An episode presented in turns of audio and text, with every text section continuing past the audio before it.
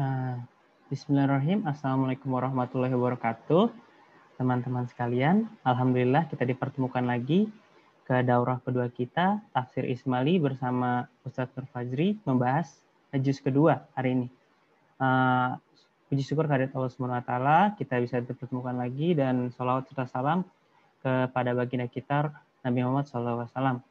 Um, hari ini Ana pengen sedikit intro aja bahwa ini kan diadakan oleh Yayasan Bisa, jadi teman-teman bisa follow lagi Instagramnya dari pesantren atau Yayasan Bisa itu sendiri. Jadi bisa dapat info-info terbaru dan sedikit, oke, okay, ya, dan sedikit um, tata tertib ya. Jadi tidak usah mengaktifkan video um, dan juga kalau ingin bertanya boleh langsung di drop di kolom komentar uh, mungkin sedikit situ saja. Uh, tanpa berlama-lama, kita agar langsung dimulai, saya serahkan kepada Ustadz Nur Fajri. Apakah uh, sudah bisa Ustadz? Belum bisa share screen. Oke. Okay. Agak ada bisa, ada bisa sekarang. Oke. Okay. Oke, terlihat nggak? Terlihat Ustaz. Slideshow. Oke, okay, bismillahirrahmanirrahim.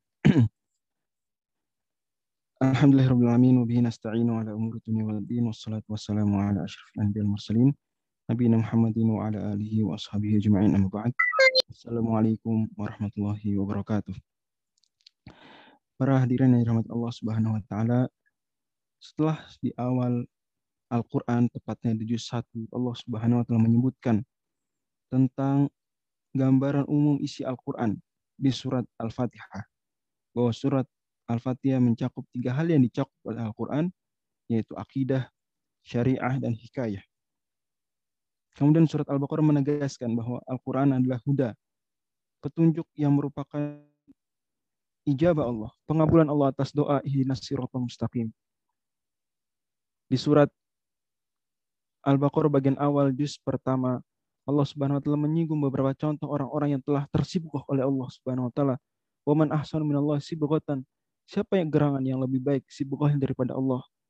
Kita diberikan potret orang-orang yang menjadi teladan di mana mereka sesuai dengan petunjuk yang digariskan Quran. Sebaliknya pun kita melihat potret-potret al-maghdubu alaihim atau ad-dallun yang mereka tidak menjadikan Al-Quran sebagai huda. Maka di juz yang kedua, yang merupakan juz tengah-tengah surat Al-Baqarah karena dimulai dari ayat 142 sampai ayat 252 Allah Subhanahu wa taala melanjutkan menegaskan tema besar surat Al-Baqarah bahwa Al-Qur'an adalah pedoman terbaik manusia dalam menjadi khalifah di muka bumi. Kalau juz pertama masih terasa nuansa makiyahnya, karena memang itu bagian-bagian awal surat Al-Baqarah dan surat Al-Baqarah termasuk surat-surat awal Nabi di Madinah. Jadi masih ada hal-hal terkait nuansa makiyahnya. Adapun di bagian tengah daripada surat Al-Baqarah maka sudah begitu nampak pola madaniyahnya semakin kental, meninggalkan pola-pola makiyah. Di antara cirinya adalah semakin sedikitnya kisah. Bahkan hampir tidak ada kisah yang eksplisit untuk kisah, kecuali kisah yang terakhir saja. Kisah Nabi Samuel dan Tolut alaihi wassalam. Dan kemudian di dalamnya ada kisah Nabi Daud juga. Itu saja kisah yang betul-betul eksplisit sebagai kisah. Sisanya Allah taala menyebut anonim dalam rangkaian ayat yang tidak menunjukkan itu sedang berhikayat. Akan tapi ketika merujuk pada buku-buku tafsir, fahamlah kita bahwa itu sebetulnya cerita pula, meskipun tersirat.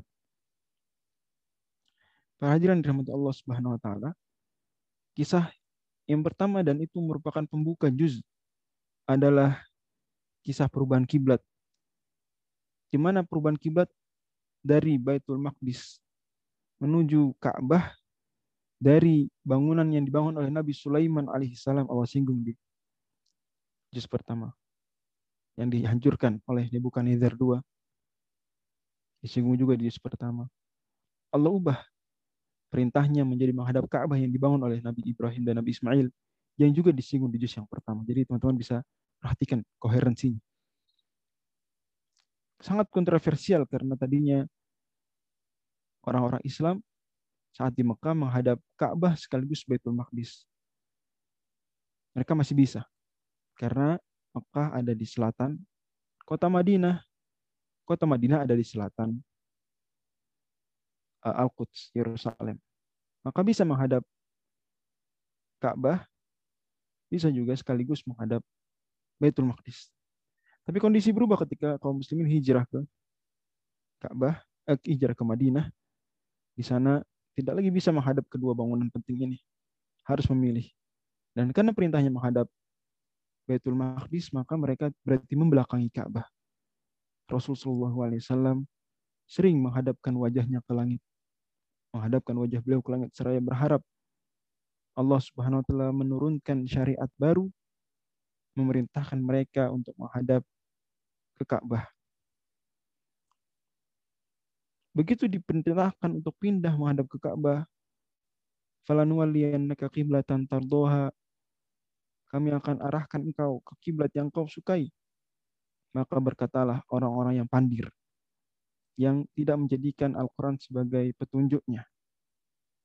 Berkomentar, kalau memang orang-orang Islam ini tadinya menghadap Baitul Maqdis itu adalah sebuah kebenaran, berarti sekarang mereka meninggalkan kebenaran.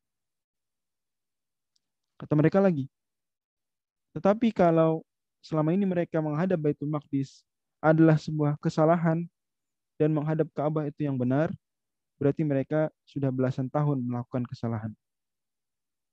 Sebuah kerancuan berpikir yang coba ditebar oleh mereka yang disebut oleh Allah sebagai as-sufaha dari kalangan keturunan Bani Israel yang hidup di Madinah kala itu.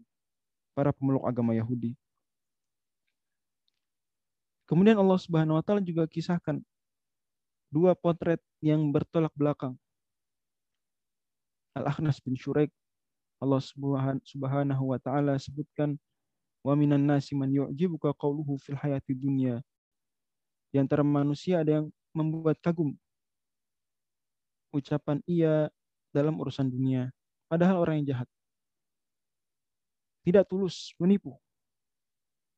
Pencitraan. Berbeda dengan Khubaib radhiyallahu anhu Kata Allah wa minan nasi man yashri nafsahu amradatillah. Justru dia menjual dirinya, mengorbankan dirinya demi kerinduan Allah Subhanahu wa taala secara tulus. Tidak melakukan pencitraan. Kemudian di akhir juz, sangat akhir, Allah Subhanahu wa taala yang memang surat Al-Baqarah di bagian juz 2 ini terasa betul sedang memotivasi jihad terasa betul memang inilah bagian-bagian awal perintah jihad. Sebagaimana sudah disinggung tadi, bahwa nuansa Madaniyah begitu kental di juz 2. Lebih kental daripada juz pertama, walaupun dua-duanya Madaniyah. Maka Allah Subhanahu wa taala membawakan banyak sekali ayat memotivasi jihad. Di antara kisah Nabi Hizkiel. Alam tara ilal ladzina kharaju min diyarihim. Tidakkah engkau melihat wahai Nabi Muhammad orang-orang yang keluar meninggalkan kampung halaman mereka karena takut kematian, karena takut wabah penyakit, mereka meninggalkan kota. Keluar, lari dari kematian, menyangka bahwa kalau sudah keluar kota selamat dari kematian. Maka kata Allah Subhanahu wa taala, wahum ulufun, mereka ribuan, ribuan hadarul maut. Faqallahum Allahum pergi menghindari kematian, tetapi Allah justru berfirman ketika mereka sudah di luar kota, mutu, matilah kalian. Kemudian sudah mati semuanya, Allah hidupkan lagi mereka. Seolah Allah ingin bilang kepada orang-orang Islam, orang-orang yang ada di Madinah kaum muslimin waktu itu, awal-awal perintah jihad dikumandangkan kalian mau menghindari perintah jihad karena takut mati, kalian tidak ingin berangkat karena mengkhawatirkan kematian, Tidakkah kalian melihat bahwa ada ribuan orang yang sempat menghindari mati? Keluar kota, kampung halaman mereka, menghindari kematian. tapi inal hadar lain minal qadar. Sungguh sikap menghindari takdir tidak bisa menyelamatkan seorang dari takdir yang memang sudah pasti terjadi padanya. Kalau memang kematian itu sudah terjadwalkan bagi kalian, kalian tidak bisa menghindari. Kalau kematian belum terjadwalkan bagi kalian, maka tidak akan datang. Sekalipun kalian berada di sebab-sebab kematian yang begitu mencekam mengilangi kalian. Dan lagi-lagi, karena juz dua penekanannya pada syariat-syariat besar, syariat-syariat khas, syariat madaniyah, termasuk jihad, maka Allah Subhanahu wa taala menutup juz 2 dengan membawakan kisah yang begitu melegenda. Kisah yang bahkan orang-orang barat pun sampai hari ini mengingat-ingat, mengenangnya. Mereka sebut ini kisah David versus Goliath.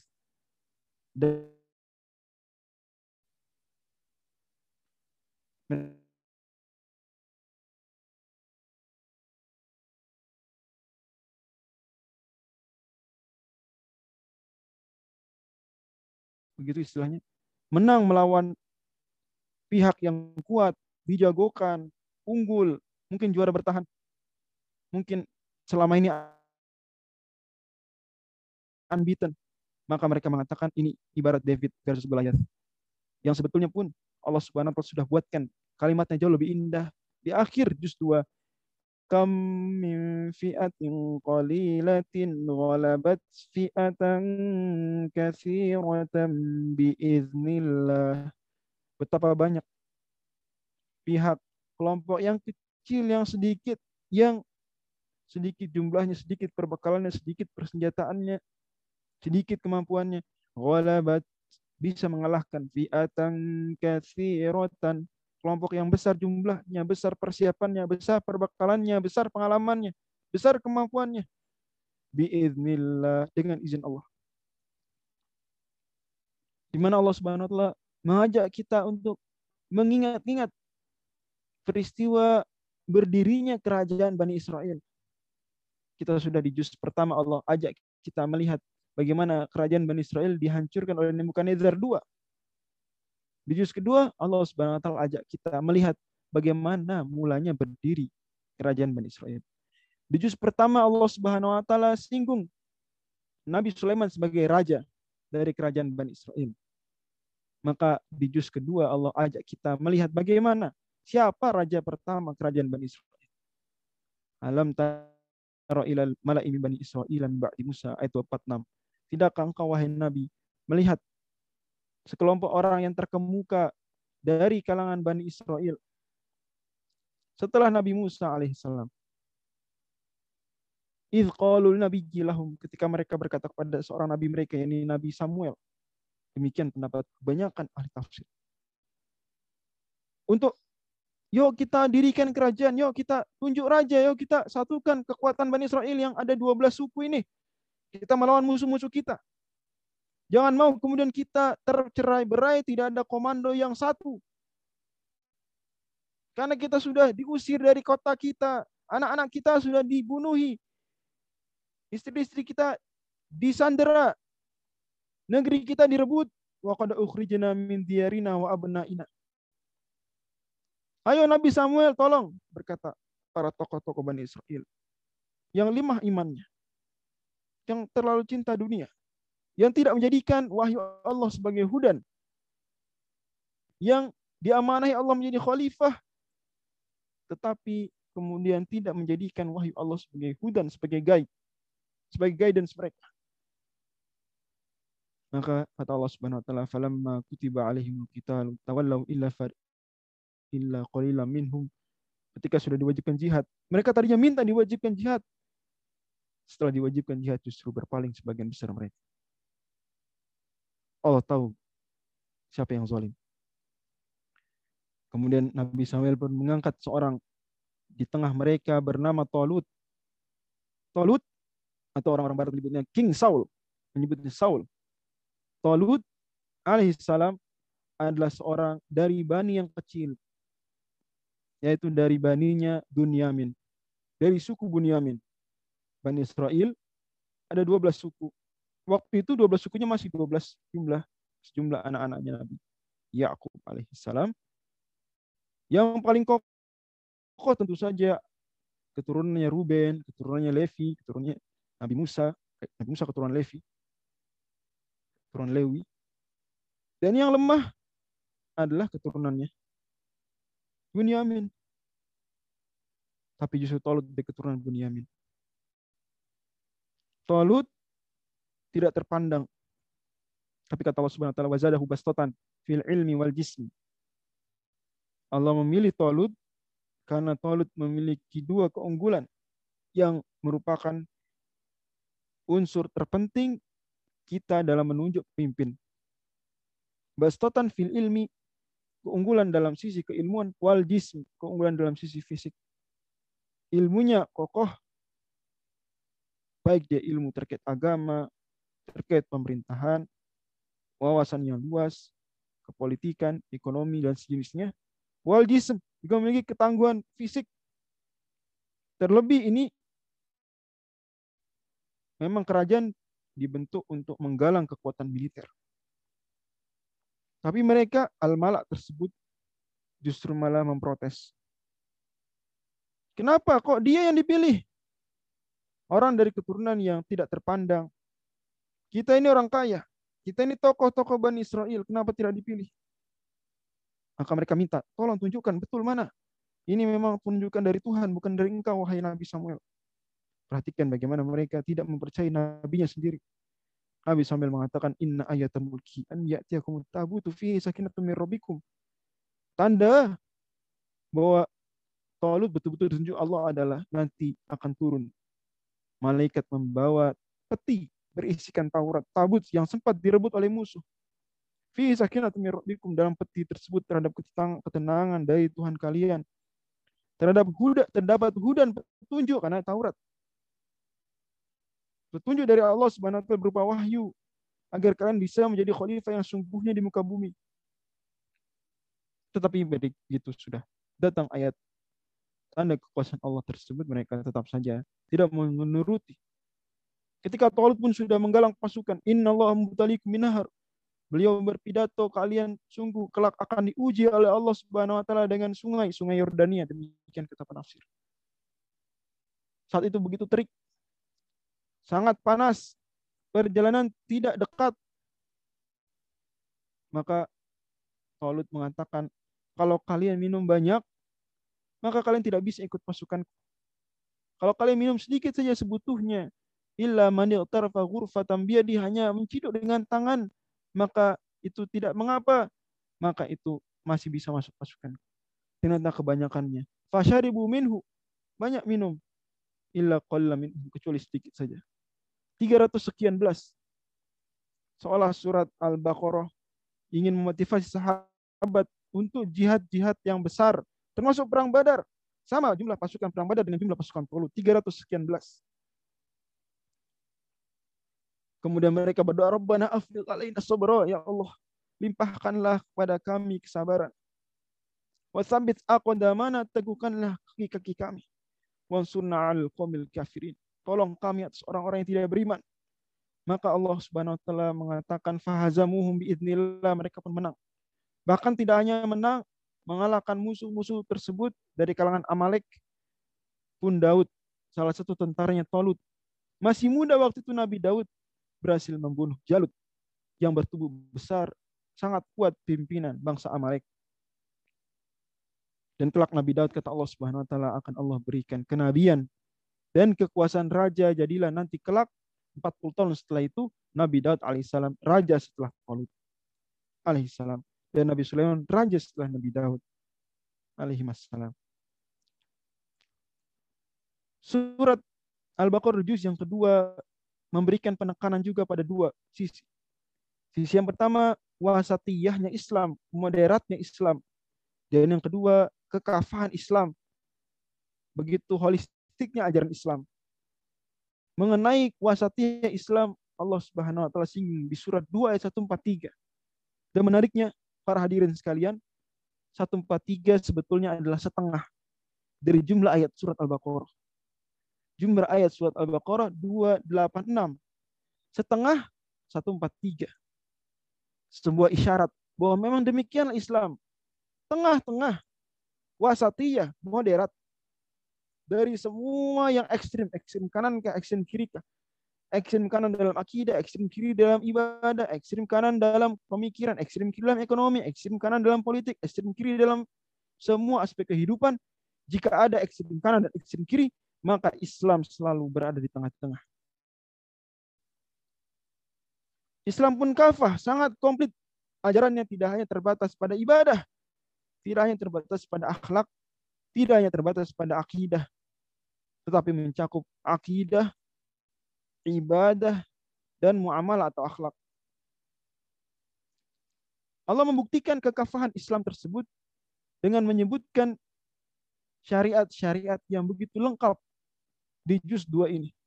Juz 2 semua bahasan hukum Islam ada dalam buku, dalam juz 2. Semua bab-bab penting dalam buku-buku fikih ada di juz 2.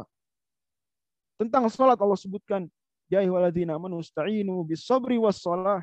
Tentang zakat Allah sebutkan laisal birra an tuwallu wujuhakum qibal masyriq wal maghrib dan seterusnya. Wa atal mala ala hubbihi dzamil qurba wal yatama wal masakin wa ibn sabil. Wa aqama salata dan seterusnya wa aqama salata wa ataz zakah. Nanti juga Allah sebutkan man dzalladzi yuqridullaha qardan hasanan. Siapa gerangan yang mau meminjamkan Allah dengan pinjaman yang baik. Tentang puasa sangat populer di juz 2 ya ayyuhalladzina amanu kutiba alaikumusiyam dan seterusnya.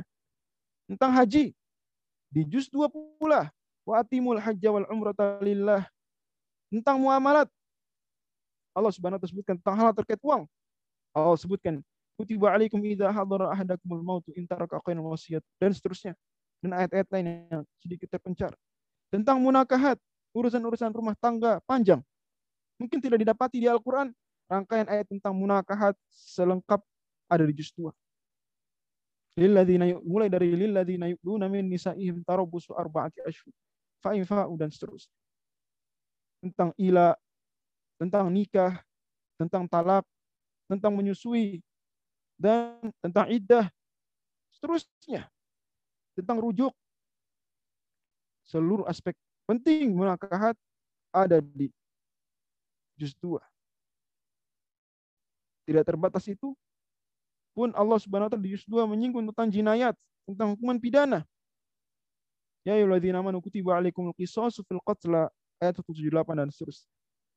Tentang masalah peradilan, salah satu bab penting dalam buku-buku fikih.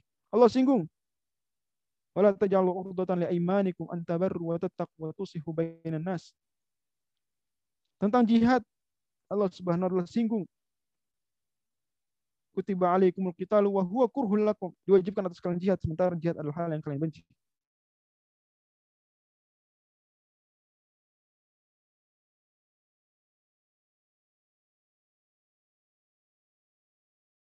Tentang taharah, mungkin tidak saya masuk slide, tertinggal. Firmankan mereka bertanya pada tentang yas'alunaka 'anil mahid, qul huwa adzan fa'tazilun nisaa fil mahid. Ketika juz 2 ternyata semua bab-bab fikih terpenting ada di juz 2, sebetulnya Allah sedang mengingatkan. Itulah Islam yang kafir. Itulah kekafan Islam. Bukan Islam yang hanya mengenal sholat, puasa, zakat, haji, tapi abai dengan prinsip-prinsip muamalat ekonomi Islam.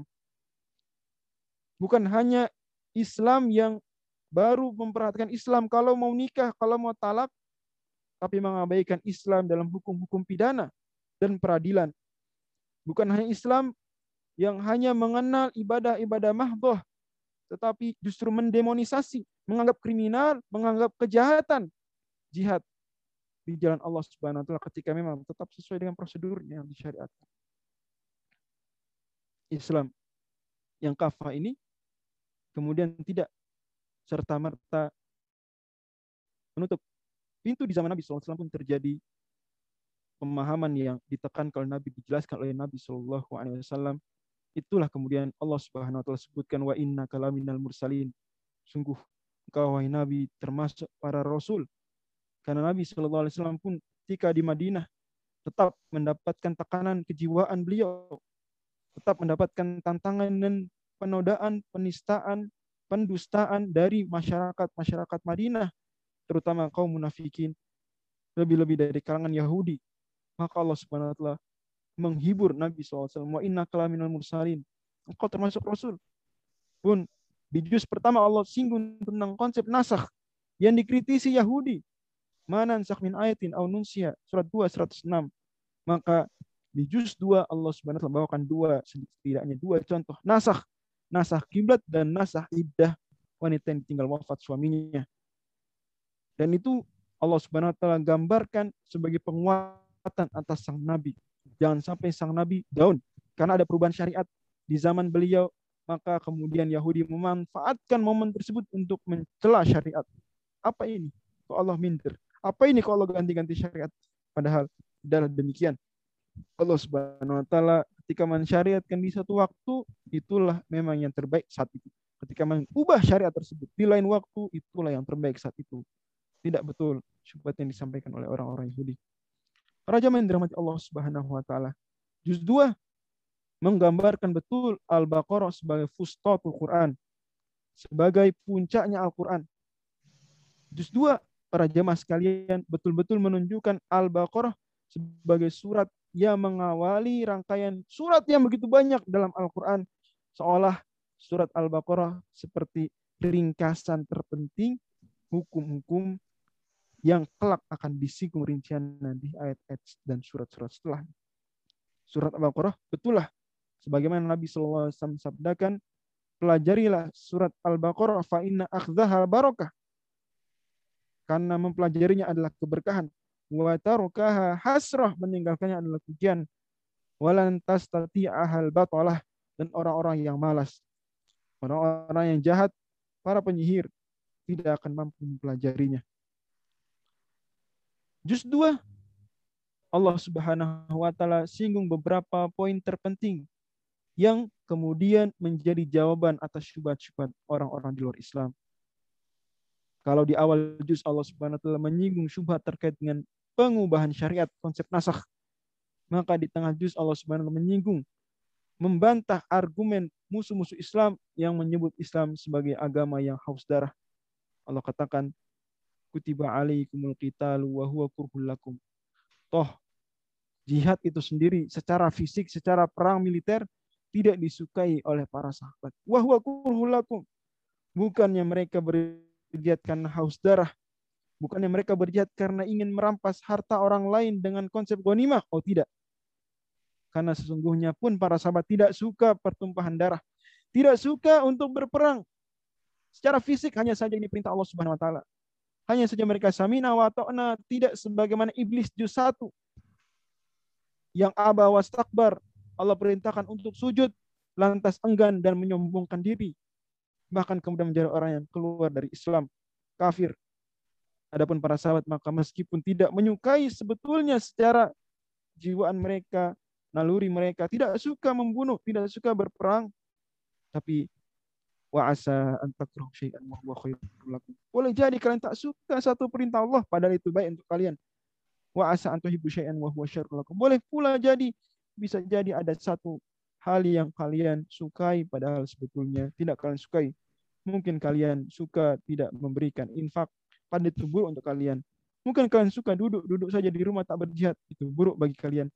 Sebaliknya, mungkin saja kalian tidak menyukai perintah jihad, perintah haji, perintah pidana Islam, dan seluruh konsep-konsep Islam yang kafah dan wasatiyah, padahal itu baik bagi kalian. Dan Allah Subhanahu wa taala mengingatkan pula di juz 2 ini bahwa seluruh ajaran Islam sebetulnya demi kemaslahatan seluruh umat manusia walau la dafullahin nasa ba'dhum bi ba'din la fasadatil ard andai bukan penerapan aturan-aturan Allah niscaya akan rusaklah muka bumi. Tapi Allah walakin Allah dzu fadlin 'alal alamin. Allah Subhanahu wa taala memiliki karunia yang luar biasa bagi seluruh alam semesta tidak hanya bagi orang-orang Islam tidak hanya bagi mereka yang menjadikan Al-Qur'an sebagai hudan tidak hanya bagi mereka yang benar-benar berislam secara kafah dan wasatiyah. Begitulah ayat-ayat Allah yang telah Allah bacakan bagi kalian. Dan sungguh Nabi sallallahu alaihi wasallam tilka ayatullah natsluha alaika bilhaq semuanya kebenaran wa innaka laminal mursalin. Wallahu a'lam